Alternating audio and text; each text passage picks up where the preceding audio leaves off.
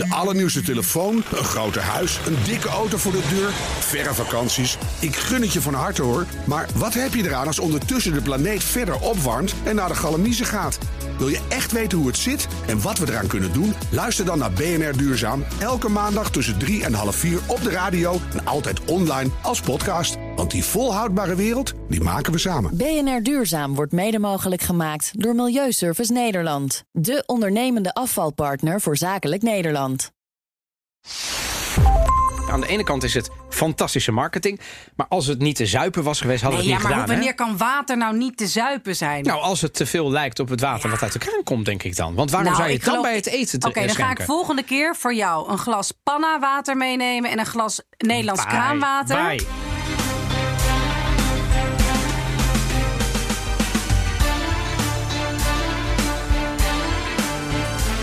Bij alweer de vijfde aflevering van de Italië-podcast. Leuk dat je luistert.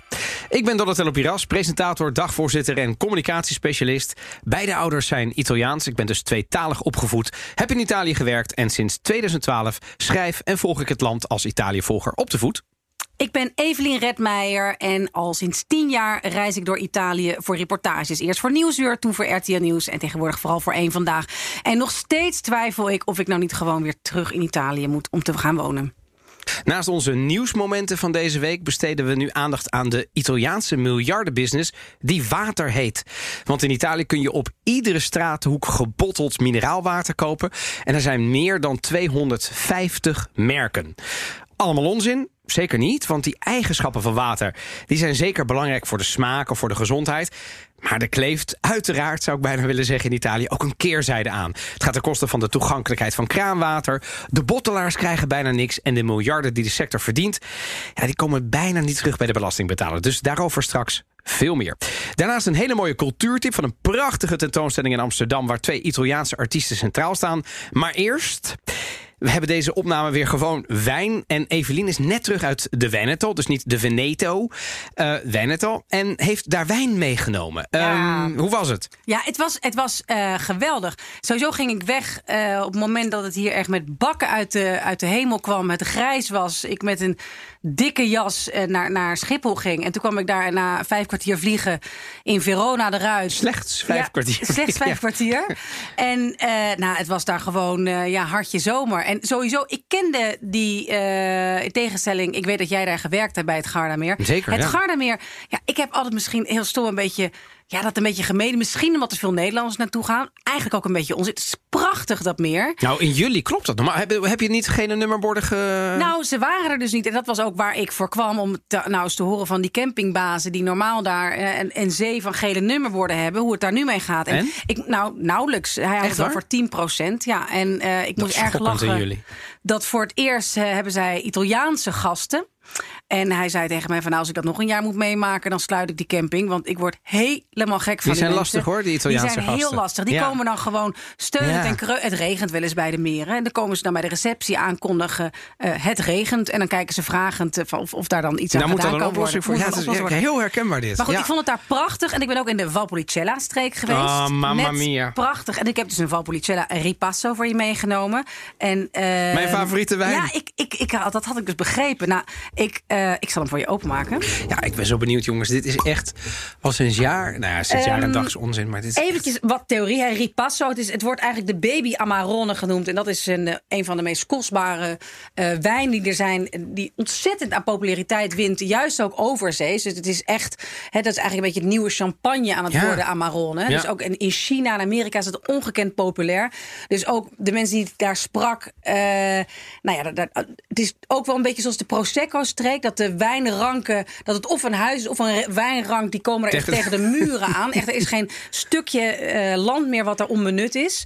Eh, maar ja, geweldige wijnen. Eh, Ripasso, dat is dus eigenlijk repas, zo moet je dat, zo moet je dat zien. Dus namelijk die, een twee, ver- er is een tweede vergistingsproces wat hiervoor wordt gebruikt. En het wordt de baby Amarone genoemd. Dus net wat minder zwaar, net Ja. wat toegankelijker.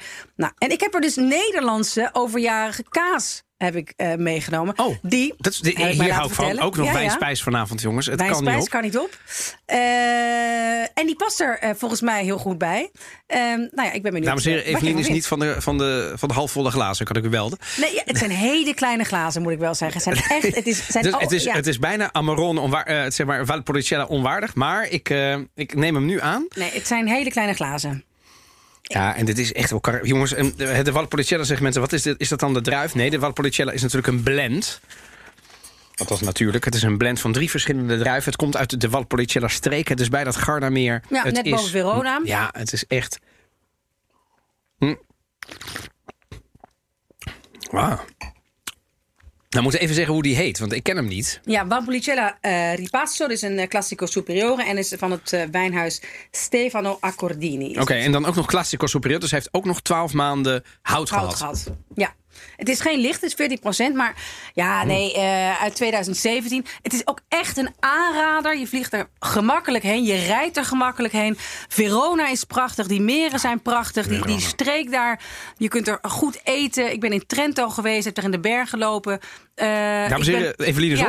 Ja, ik ben, ik ben om. Nee, het is echt, het is echt waar. Ja, ik ken natuurlijk vooral voor verhalen. Ik, ben- heb ik, in Ro- ik heb in Rome gewoond. Ja. En je, je trekt veel naar het zuiden, ook omdat daar veel migranten aankwamen. Het is toch een beetje de. Amsterdammer die buiten de ring komt en zegt... Nou ja, hey, er is het nog meer. Het is de Ja. Ook wel leuk. Ja, zoiets als het. Nou, zeker wat betreft die meren Ja, was het ik is toch echt. mooi, het was een Ja. beetje ehm, ja, nodeloze snobisme van mijn kant om te denken dat het Garda weer niet gewoon geweldig is. Maar ja. dat je dit zegt, zie je natuurlijk weer enorm. Ja, Ja, dat is maar. Maar die wijn is top. Eh, Ja. ik, ik ga er straks misschien nog één keer op terugkomen om te zeggen hoe lekker die is. Want de Valpolicella Classico Superiore onderschat. En ja, de baby Amarone. Ik zou bijna willen zeggen zonde. Want heel veel mensen die, die natuurlijk een beetje kicken op de naam van de Amarone. Terecht, want het is een grote wijn. Kan zich meten met de Brunello di Montalcino uit Toscane. En met de Barolo uit eh, Piemonte. Totaal andere Maar het, het is een beetje de top drie van Italië. Maar die, die Valpolicella Classico Superiore. Ja jongens, een Amarone. Ik zou bijna willen zeggen, die drink je of bij het eten, want die moet er wel bij, of gewoon als borrelwijn. Maar dan moet je echt een, eh, een, een, beetje stevig in je schoenen staan. Dit kan bij veel meer. Dus ehm, ja, het hoeft de Amarone niet te hebben om een eh, lekkere Valpolicella te hebben. Ik, ik ga ervan genieten. Niet te veel, eh, want wij gaan ook weer door met het volgende onderwerp. Want wat viel ons op in het nieuws van eh, de afgelopen weken en dagen?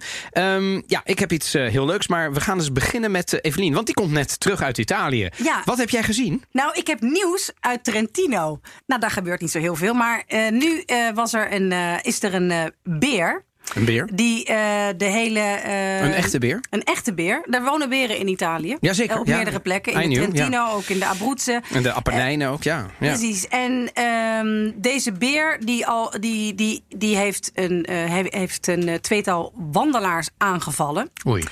En eh, ja, toen moest hij dood. Toen is in de Trentino is dan de regel. Als, Die moest als- worden afgemaakt? Die moest worden afgemaakt, ja.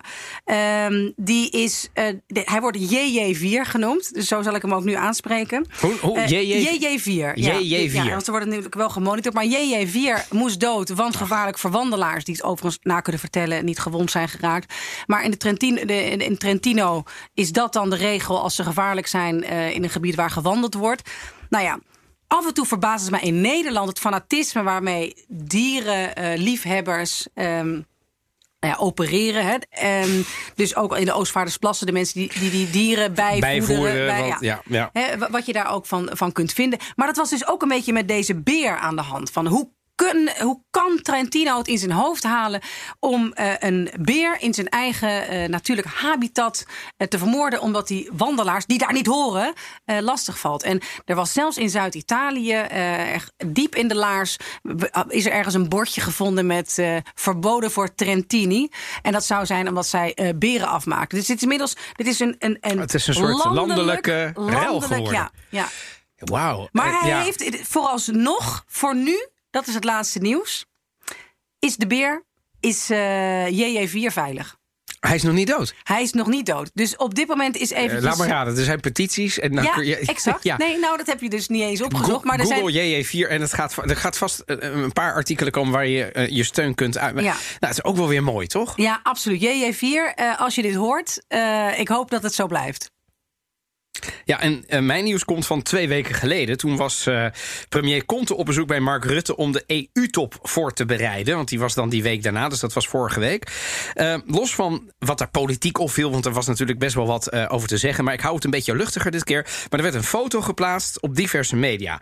En wat zag ik daarop? Want ik heb het ook op Twitter geplaatst. Een paar glazen, een blommetje geen eten en twee dichte flessen rood. Kortom, de tafel bij een gemiddelde Italiaan, zeg ik maar even. Je komt binnen en dat staat op tafel. Er was nog, blijkbaar mochten dan dus de fotografen binnenkomen... nog even snel uh, een, uh, een, een, foto afdrukken en daarna heel snel weg. Praten en, zij Engels eigenlijk uh, met elkaar? Ze hebben geen tolk, hè? Ze hebben geen tolk, nee. nee. Komt spreekt, goed, spreekt goed Engels en Rutte ook. Ja, ja, ja. Dus ja, ik denk dat ze gewoon Engels ja. praten. Ja, ja, ja. ja, ja. En ze spreken volgens mij ook nog allebei Frans. Nee, maar dat gaan ze niet doen. Nee, het zal Engels zijn, ja. Um, anyway, dus ze waren een beetje aan het praten. Ze lachten natuurlijk allebei. Een beetje opgezette foto van... oké, we gaan nu nog even lachen. Daarna gaan ze weg. En daarna gaat het echt gebeuren. En ik dacht, maar wat hebben ze nu gegeten? En ik ging dat opzoeken. Twitter, niets te vinden. Nederlandse media, niets te vinden. Dus toen dacht ik, oké, wacht, ik zoek het in de Italiaanse media. Het eerste wat ik aanklikte, bingo. Menu. Nou, niet meteen het menu, want ik had eerst de kwaliteitsmedia, dus de Repubblica Corriere della Sera. Menu a base di pesce. Mm. in ieder geval meer informatie over. Weet je, als je aan een tafel zit, wil ik weten wat die mensen hebben gegeten. Ben ik daar dan nieuwsgieurig voor? Ik, ik sta op er nou, geen Ik denk wel heel Italiaan, dat je er wel heel Italiaans ja, is dat zo? Ja, ik, denk dat heel veel Nederlanders ik deel dit. Jij gaat, gaat u een analyse maken. Dus anyway, ik ging nog verder. En dan mag jij daarna zeggen wat je ervan vindt. Ik ging nog verder. En al snel kreeg ik dus het hele menu. Uh, en, en wat was dat? Dus ik heb er een tweet over gestuurd. Um, ze hebben gegeten in het uh, restaurant Impero Romano. Nou, ik ben geboren en getogen Den in Den Haag. En ik ken het restaurant, Kazernestraat. Best goed geen topper, maar dat hoeft ook niet. Maar uh, Rutte schijnt daar vaak te komen. Ik dacht net dat we de sponsor aan het binnenhalen waren. Dan zeg je... Nou ja, jongens, ja, het is, ik bedoel, ja, het is. Ja, ja, ik ga er binnenkort weer eens een keer naartoe. Okay. Dus misschien is het weer uh, fantastisch. Ze eten focaccia olijven en de rest was op basis van zalm, scampi en het dessert was tiramisu. Waarom? Nou, omdat Conte had al gezegd dat hij de vrekkige vier dit wilde aanbieden. Per tirar lissou, hè, om ze omhoog te trekken. Een beetje als variant op het dessert. En Rutte had gezegd, als je me dan toch tiramisu wil aanbieden... dit is het beste dessert. Hier maken ze de beste tiramisu van de hele stad. Dus nou, dat kan Impero Romano dan in de zak steken. Maar als ik dan nu toch een beetje mag doorfilosoferen... op deze actie van Conte... Ja. Rutte heeft in een interview een paar weken geleden in de Corriere della Sera gezegd dat Italië eindelijk eens op eigen benen moet staan. Dat is het toch niet heel erg slim van Conte om een toetje te nemen waar eigenlijk wordt gezegd tiramisu, trek me omhoog. Dat is nou net wat Rutte niet wil dat Italië weer eens vraagt een nee, maar wacht, nee, maar, nee, maar dat is, dat is heel goed dat je dit zegt. Maar hij bedoelde ja? het ook niet voor Italië. Hij bedoelde het zodat zij zichzelf omhoog konden trekken. Die vrekkige vier. Ah, ja. Per tirar lissou. Want ze waren Judy Morale. Ah, Judy Morale. Ja. Ze, waren, ze waren somber. Ze, waren neerslachtig en somber. En laat ik ze even noteren om ze op te beuren. Dat bedoelde die. Oh, dat is heel goed dat je het zegt. En de beurs te trekken, oké. Halleluja. Halleluja. Halleluja. Nessun'acqua è come Ferrarelle, un miracolo della natura che unisce gusto e benessere. Nasce ricca di preziosi minerali e di microbollicine 100% naturali, più gustosa di un'acqua liscia, più equilibrata di una gassata. Liscia, gassata o Ferrarelle? Ja, dit is dus, ja, als mensen hier luisteren, waar, waar, luisteren we naar? Ja, je zou denken, en, en, en, en, nou, een van een sportdrankje of iets, iets, iets in ieder geval gigantisch groot, meeslepends. Maar het is. Mineraalwater. Ja, maar dat is belangrijk, jongens, in Italië. Want Italië kent wel meer dan 250 verschillende merken mineraalwater. San Pellegrino, Acquapanna, Ferrarelle Levissima, San Benedetto, Leve, Uliveto, San Giorgio, enzovoort, enzovoort. En verschillende soorten, want je hebt naturale, frizzante, leggermente frizzante, effervescente, effervescente. minerale, oligominerale. Anyway, eh, eh, de, de gemiddelde Nederlander denkt natuurlijk, wat een onzin. Is dat zo? Dat ligt er maar een beetje aan hoe je het kijkt. Ik ga zo meteen even zeggen wat voedingsdeskundigen erover zeggen. Maar uh, voordat ik dat vraag. Um, ja, jij, jij hebt natuurlijk ook heel lang in Italië gewoond. Dus um, die, die, die, verschillende soorten water. Dat is wel iets wat men gewoon in het restaurant bestelt, toch? Ook? Ja, klopt. Nee, ik, ik, ben, uh, ik moet bekennen dat ik inmiddels nu ook op het punt ben dat ik dan vraag of ze lichtbruisend hebben. Ik uh, schenk even dat... een San Pellegrino. Dat is niet lichtbruisend. Niet licht. Jawel, dat is wel lichtbruisend. Ja, toch, ja, dat is wel waar. Ja, jawel, want het kan heftiger. Hè? Ja. Eh, en als ze dat niet hebben, in het noorden van Italië hebben ze meestal eh, gewoon of met bubbels of zonder bubbels. Dan doe dan maar. En dan met zo'n teleurgesteld gezicht zeg ik dan, nou doe dan maar gewoon. en waarom zeg je. Noord-Italië? Is het Zuid-Italië anders dan Noord? Ja, ik heb het. eh, Volgens mij is er is, is het zuiden en het midden-Italië hebben ze licht bubbelend water. En heb ik dat in het noorden van Italië, vind ik dat niet zo snel. Dus mijn eh, favoriete water is eh, Aqua Nepi. Dus dat is erg eh, Romeins. Ik Dat ze zeggen, dat is toch heel... Maar ik moet zeggen, nou ja, daar komen we nog over te spreken. Ehm, ik heb daar wel, kijk, in, in restaurants bestel ik het nog wel eens, maar thuis ben ik daar wel, ben ik daar wel wat in veranderd. En maar- in Nederland trek ik altijd uit de kraan, dus daar heb ik helemaal ja. afgeleerd. Ja, om, om even aan te geven, mijn lieve ouders, die al geruime tijd in Nederland wonen, mijn vader meer dan 50 jaar, drinken nog altijd aqua minerale. En dan wel spa blauw, spa ren. Nooit uit de kraan. Nee. Nou ja, kijk, als ze het gewoon aangeboden krijgen thuis, bij mij bijvoorbeeld, dan drinken ze het wel. Maar af en toe, als ze dan oppassen, dan zijn ze in staat om de spa blauw mee te nemen. Want anders moeten ze uit de kraan drinken. Maar kost bakken met geld. In Nederland is water veel duurder eh, gebotteld dan in Italië. Ja, maar in Italië is het natuurlijk in principe ook goedkoper om gewoon die kraan open te trekken. Ja. Eh, Maar daar gaan we natuurlijk nog opkomen. Maar laten we eerst even beginnen met: is het allemaal onzin? Nou, dat is het niet. Want. Kijk, die verschillende mineraalwaters hebben wel verschillende kenmerken. En er zijn voedingsdeskundigen, er zijn chef-koks. En tegenwoordig heb je zelfs heuse watersommeliers. Eh, Wat je sowieso daarvan leert, is dat water een heleboel verschillende smaken kent. Ja, dus dat water in die flessen.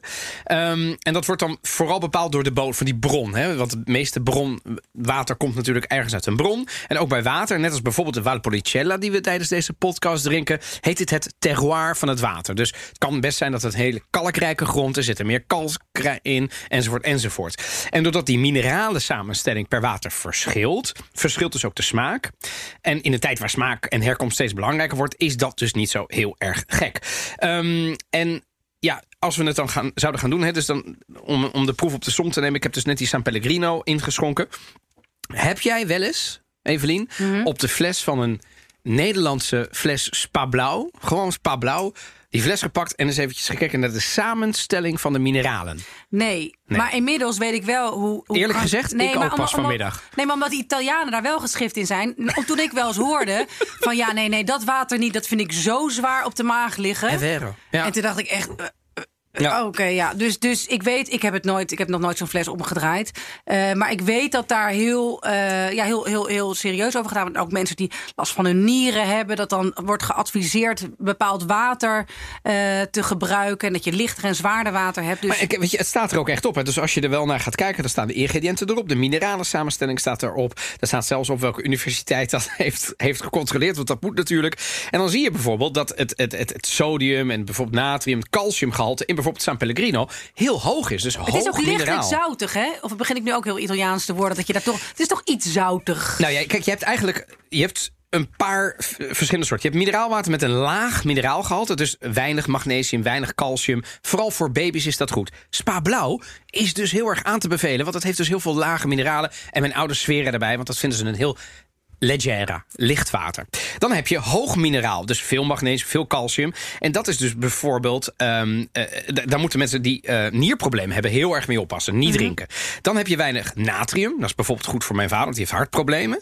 Ehm, dus dat is heel goed. En, ehm, eh, en ook aan te raden voor mensen met een hoge bloeddruk bijvoorbeeld. Dan heb je bicarbonaatwater. Dus dat is mineraalwater als koolzuurhoudend water. Dat heeft hoog, veel bicarbonaatconcentratie. Is dat dan dat, dat je dat, dat, dat, dat de spijsvertering op gang helpt? Bravissima, zeker. En dus dat helpt de, de, die, eh, Ayuta digereren, helpt de spijsvertering. En dat kan ook nog helpen, zeggen Daar moeten we voedingsdeskundigen. trouwens wel echt nog een keer een aflevering over maken. De obsessie van Italianen met hun eigen spijsvertering. Ik ken niet dat Oh, ik mijn- alle oh, maar- ja. Nee, maar van nee, nee ik, nee, ik moet echt nog verteren. Van nee, geen paprika, want dat verteer ik niet. en gewoon, nou ja, daar wordt zo openlijk over gesproken. En dus ook, nou ja, dat er water is wat je helpt met verteren. Ik denk ook af en toe dat het bijna psychisch is. Dat ze daar meer moeite hebben met het verteren van bepaalde dingen. Omdat er gewoon zoveel over gesproken wordt. Weet je wat we gaan doen? Want ik bedoel, hier gaan wij niet, tenminste, ik ben niet gespecialiseerd daarin, en, maar ik herken je verhaal heel erg. We gaan er gewoon een keer een voedingsdeskundige bij halen.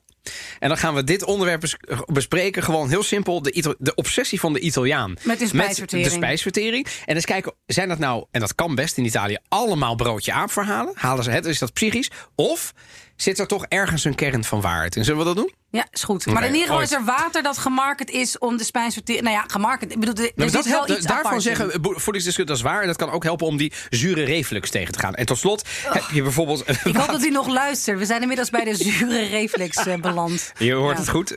Mensen met kinderen herkennen dat heel erg. En water dat veel natrium bevat, dan denk je, waarom zou je dat nou willen hebben? Eh, dus dat- dat heeft dus een hoog zoutgehalte. Dat helpt bijvoorbeeld als je veel gesport hebt. En dan verlies je allerlei sali en minerali. En, nou, en dan moet je dat dus Enfin, Italië kent dus vele watermerken. Maar hoe zit dat nu? Het is het eerste land in Europa en het tweede ter wereld voor het gebruik van flessenwater. Alleen Mexico heeft meer merken. En de gemiddelde Italiaan drinkt daar 206 liter water per persoon per jaar van. Van dat gebottelde water. Hè? Kortom, geweldige business. Dat wordt Nou geschat op ja. 10 miljard euro per jaar. Maar het zal Italië niet zijn als er natuurlijk ook weer een keerzijde aan zit. Wat ik word bijgeschonken met een Valpolicella. Heerlijk. Eh, er zit ook een keerzijde aan. Want ehm, ze hebben dus een zogenaamde concessione. Hè, dus een vergunning, la- laat ik het maar even noemen. En dat hoeven ze dus bijna niet te betalen. Want het is te verwaarlozen. Het is gelijk aan ongeveer een duizendste euro per liter. Dus 250 keer minder dan de prijs die burgers betalen voor een fles. Ja, en dan komt natuurlijk wel een beetje het probleem naar buiten. Want eh, twee NGO's, Lega Ambiente, dat is een, een, een Economia. Hè, dus de ene is een milieuclub en de andere gaat kijken... of we op een duurzame manier de economie kunnen eh, eh, organiseren. En die hebben een dossier gepresenteerd, dat heet Flessenwater. En die hebben gezegd, ja luister jongens... als, je twee, hè, als je 10 miljard euro per jaar verdient... en die bottelarijen ook... dan kan het niet zo zijn dat je slechts 0,6% belasting betaalt... en dat de Italianen daarvan profiteren. Wat bizar. Ja, dat is echt bizar. Dus dat, dat kan niet. En er zijn dus in Italië meer dan 140 fabrieken die meer dan 14 miljard liter water nodig hebben om dat Italiaanse verbruik, want de Italianen drinken dus heel veel van het gebottelde water, te garanderen. Ja, en dan ben ik een beetje benieuwd, Evelien. Jij hebt daar natuurlijk enorm lang gewoond, gewerkt en, en, en, en gedronken. En water gedronken, Ja, ja. precies. Ehm, ehm, maakt het. hoor je dit wel eens bij de gemiddelde Italiaan die, die, die dit doet? De, de, de verontwaardiging dat er geen belasting over wordt betaald? Nee, nee, meer het feit dat er dus ook een keerzijde aan zit. Of maakt echt helemaal niemand zich daar ooit zorgen over. Heb Nou, je daar ooit iets van gehoord? Nee, ik, ik ben op een gegeven moment zelf gestopt eh, met, het, met het kopen van gebotteld water. Heb ik zo'n kan gekocht met een filter erin. En dat is gewoon prima, zeker als je dat in de ijskast zet. Nou ja, Ja, want ze klagen soms in Italië wel. Er zit te veel chloor in. Dat er is wel veel, echt waar. De, de echt smaak maakt natuurlijk wel Ja. per regio uit, toch? ja, maar er zijn echt ook genoeg plekken in Italië waar je prima uit de kraan kan drinken. Eh, en dat ze dat, dat, dat ze dat toch niet doen. Maar het is inderdaad wat, wat, wat meer van vroeger dan. Ja. Ik weet niet, het is een soort, soort, soort, soort gewoonte waarschijnlijk. Maar ehm, ja, het ja, is het is wel- natuurlijk de, de hoeveelheid plastic ook die daarbij, eh, die daarbij komt kijken is ongelooflijk. Toen ik op een gegeven moment, ik was daar na, na een paar maanden, dacht ik, jeetje, wat ik, ik ging toch wel iedere week zo'n zo'n zo'n zo'n eh, zes sixpack aan eh, flessen water Ja, en dan, en, dan, en dan hebben we het niet over. Dat zijn vaak sixpacks van 2 liter. Van twee hè? Dus, liter. ja, dat hou je. Dus Ja, wat je dan dat mee toen- naar Wat huis. ik toen al gewoon had uitgespaard door gewoon kraanwater eh, bij te vullen aan plastic. Dat, dat, dat, dat is ongelooflijk. En moet je je voorstellen, als dus de gemiddelde Italiaan 206 liter per Ja. persoon per jaar drinkt, hè, dan doet een gemiddeld gezin komt makkelijk op 500. Dat betekent dus ehm, liter, en laten we dat dan eventjes eh, eh, eh, gedeeld door twee, dan, dan haal je dus per jaar 250 flessen per gezin per jaar naar binnen. En dat is bijna allemaal plastic. Ja. Dus er wordt gigantisch veel. Dus als we die, die plastic soep willen terugdringen, zouden we in Italië best wel kunnen beginnen met ietsje minder van dat gebottelde water doen. Zeker. Wat trouwens wel grappig is, misschien zien mensen dat wel eens eh, langs de weg in dorpjes. Je hebt ook echt in Italië bronnen waar Ja. mensen zelf hun water vullen. En ook zowel met en zonder bubbels. Dan komen ze met een jerrycan Ja. daar naartoe. Ja. En dat, maar, maar, maar dat is nou, kijk, en dan, dan leef je dus in Italië, dan heb je die bronnen. Ik snap dat ze daar natuurlijk een enorme business van hebben. Ja. Maar het is juist het land bij uitstek waarin je natuurlijk inmiddels op heel veel plekken, ik denk meer plekken wel dan niet, gewoon veilig uit de kraan, kraan kan drinken. En ten tweede, waarin als je dat niet wil, je ergens in je, in je regio met een jerrycan of drie daar naartoe kan gaan. Maar goed, het is ook wel gemak. Mensen gaan gewoon naar de supermarkt, rammen hun auto vol met Levissima of met Ulivetto. L'acqua della Nazionale, daar zweerde mijn tante dan altijd bij. Nee, nee, nee, nee. Voor mij, en die had dan een paar flessen daarvan. Dus voor de rest van het gezin was het, maar zij dronk dan Ulivetto. Maar het grappige is, er is dus ook, we hebben hier San Pellegrino. En Ja. dat is samen dus, dat is Panna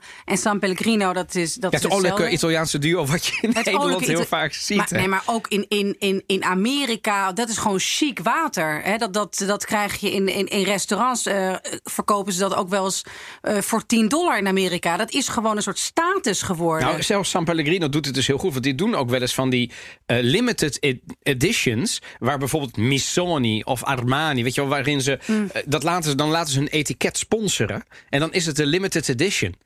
Ik bedoel, ja, dat, voor de gemiddelde Nederlander moet het natuurlijk heel raar in de, in de, in de oren klinken. ja, maar toch? het is toch, ze hebben daar wel iets heel goeds gedaan. Want ook in, in, hier, eh, in Nederland zie je ook. Het, het- is het heel erg als chic water hebben ze het eh, weten te, te marketen, Maar te blijkbaar, dat moet dan toch ook te maken hebben, denk ik. Aan de ene kant is het fantastische marketing. Maar als het niet te zuipen was geweest, hadden we het ja, niet maar gedaan. wanneer hè? kan water nou niet te zuipen zijn? Nou, als het te veel lijkt op het water wat uit de kraan komt, denk ik dan. Want waarom Nou, zou je het dan geloof- bij het eten te Oké, dan ga ik volgende keer voor jou een glas panna water meenemen en een glas Nederlands Bye. kraanwater. Bye. En dan mag jij tegen eh, aan mij vertellen wat eh, panna is en wat kraanwater. Ik geloof echt niet dat je eruit gaat komen. Volgende opname gaan wij een blinde proeverij doen. Ja. Eh, Frommelen we er wel gewoon Ik tussen, ik dat- weet niet. Want ik weet ook nog van een jaar of 10, 15 geleden dat ze een, een test hebben gedaan met water in Nederland. En dat is ook wel ook met blindproef. En toen kwam als het beste, lekkerste, fijnste water Rotterdams kraanwater eruit. Dus ik ben heel benieuwd of jouw Italiaanse finesse eh dit Ik gaat denk, redden. ik ben opgegroeid dus met Spa, met Spa Blauw. Dat, dat heb je inmiddels gehoord. Mijn, mijn ouders zetten zelfs koffie met Spa Blauw. Echt waar? Kid, kid you not.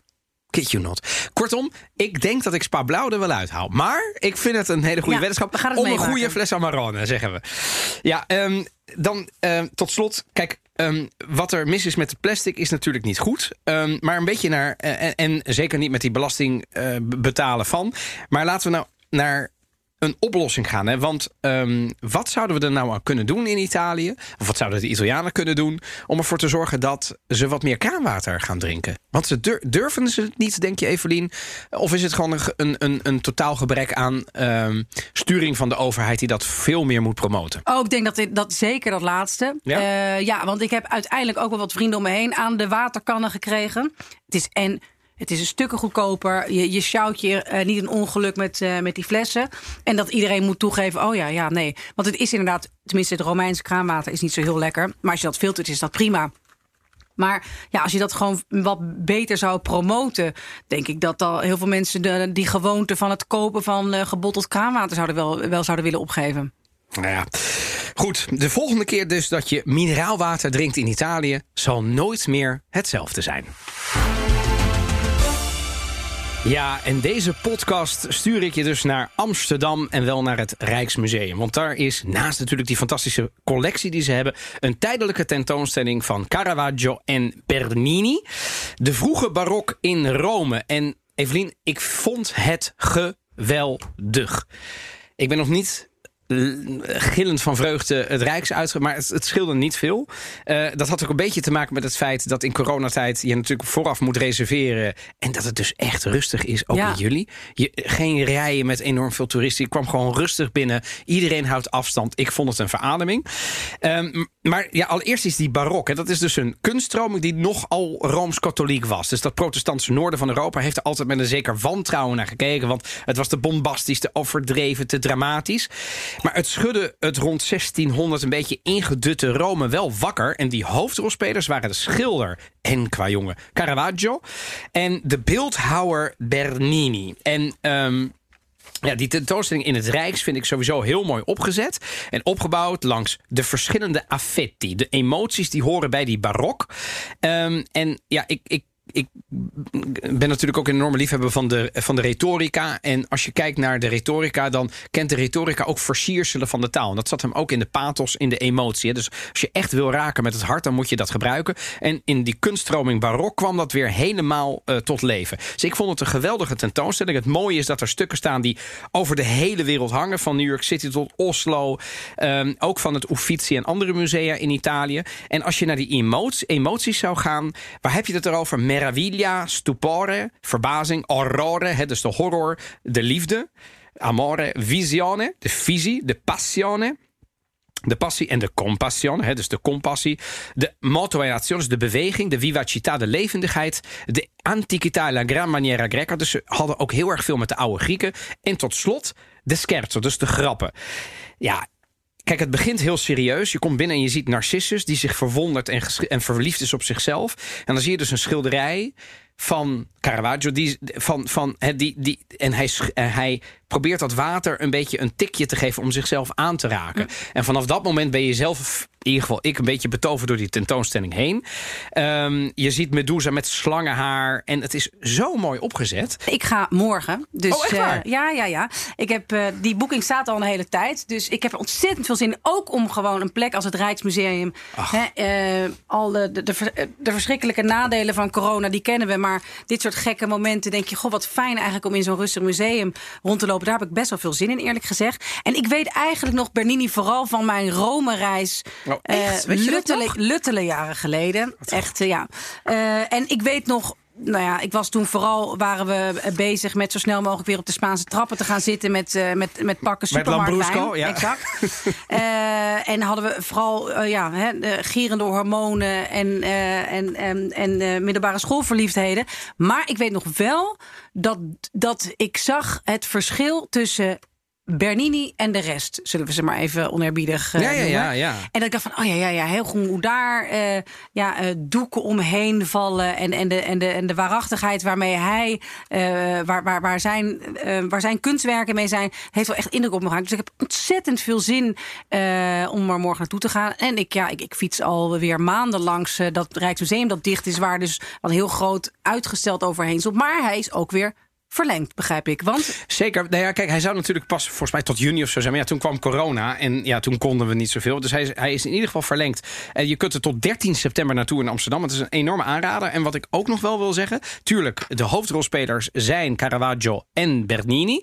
Uh, en, um, maar er zijn ook andere tijdgenoten, beeldhouwers en schilders, die worden ook uh, meegenomen erin. Dus het is echt een overzicht van de barok met de hoofdrolspelers Bernini en Caravaggio. Maar ze laten ook echt wel andere uh, beeldhouwers zien. Uh, bijvoorbeeld de Duquesnoy, de, de, de, de Fransman. en, en, en, en om te laten zien wie geïnspireerd werden in die tijd door bijvoorbeeld die twee grootheden. En nou, het enige wat ik je nog even wil laten zien, ik laat nu een van zo'n beeldje zien en dat is uh, uh, Eros en Anteros. Rome 1630 hebben we het over. En ja, dit gaat dan bijvoorbeeld over de amore, maar de liefde was natuurlijk in die tijd streng rooms-katholiek je had de vleeselijke lusten en de liefde. En dat is natuurlijk Eros. Maar je had natuurlijk ook de andere. En die was van de goddelijke liefde. En hier zie je dat de ene het andere probeert te behoeden. Het ene een engeltje te proberen te behoeden voor die vleeselijke lusten. En mee te nemen naar de echte liefde. En dat kon alleen maar die goddelijke liefde zijn. Nou, die tentoonstelling staat helemaal vol. Ik heb zelfs de catalogus uh, meegenomen in een uh, roze kleurtje. Um, die mijn dochter ook nog leuk vindt. Dit was wel weer aflevering 5 van de Italië-podcast. Blijf vooral luisteren. Blijf reageren. We luisteren uh, naar alle tips. Dus kom daar maar op met suggesties, tips. En natuurlijk genieten we ook van alle complimenten. En vooral spread the word. En Evelien, de volgende keer? Ja, volgende keer. Donatella, hoe oud wil jij precies worden? Heb je daar al een idee over? Wil je heel oud worden? 100, boven de 100? Ik word het liefst... Uh, ja, ik, het liefst word ik een gezonde negentiger. Nou, kijk, dan eigenlijk... Uh, ik denk dat jij gaat luisteren, want je zit naast me. Maar we gaan het volgende keer hebben over het geheim van de gezond oud wordende Italianen. is het het mediterrane uh, dieet, het klimaat, het sociale netwerk waar ze in zitten, dat ze lang thuis blijven wonen? Feit is dat op veel plekken in Italië mensen opvallend oud worden. er zijn bepaalde uh, blauwe zones, zoals ze heten, waar er uh, onevenredig veel 100-plussers wonen. En vanuit de hele wereld komen wetenschappers naar die plekken toe om dat fenomeen te bestuderen. Nou, boeiende materie.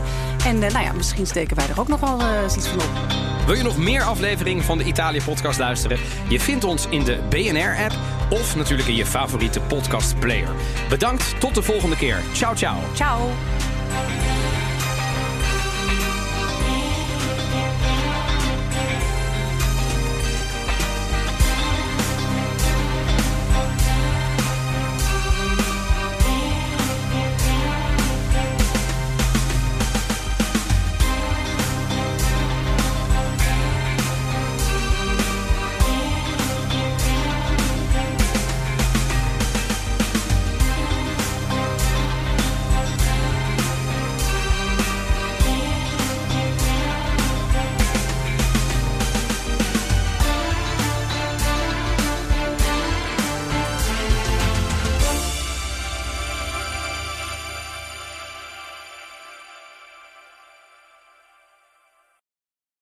Allernieuwste telefoon, een groter huis, een dikke auto voor de deur, verre vakanties. Ik gun het je van harte hoor. Maar wat heb je eraan als ondertussen de planeet verder opwarmt en naar de Galamiezen gaat?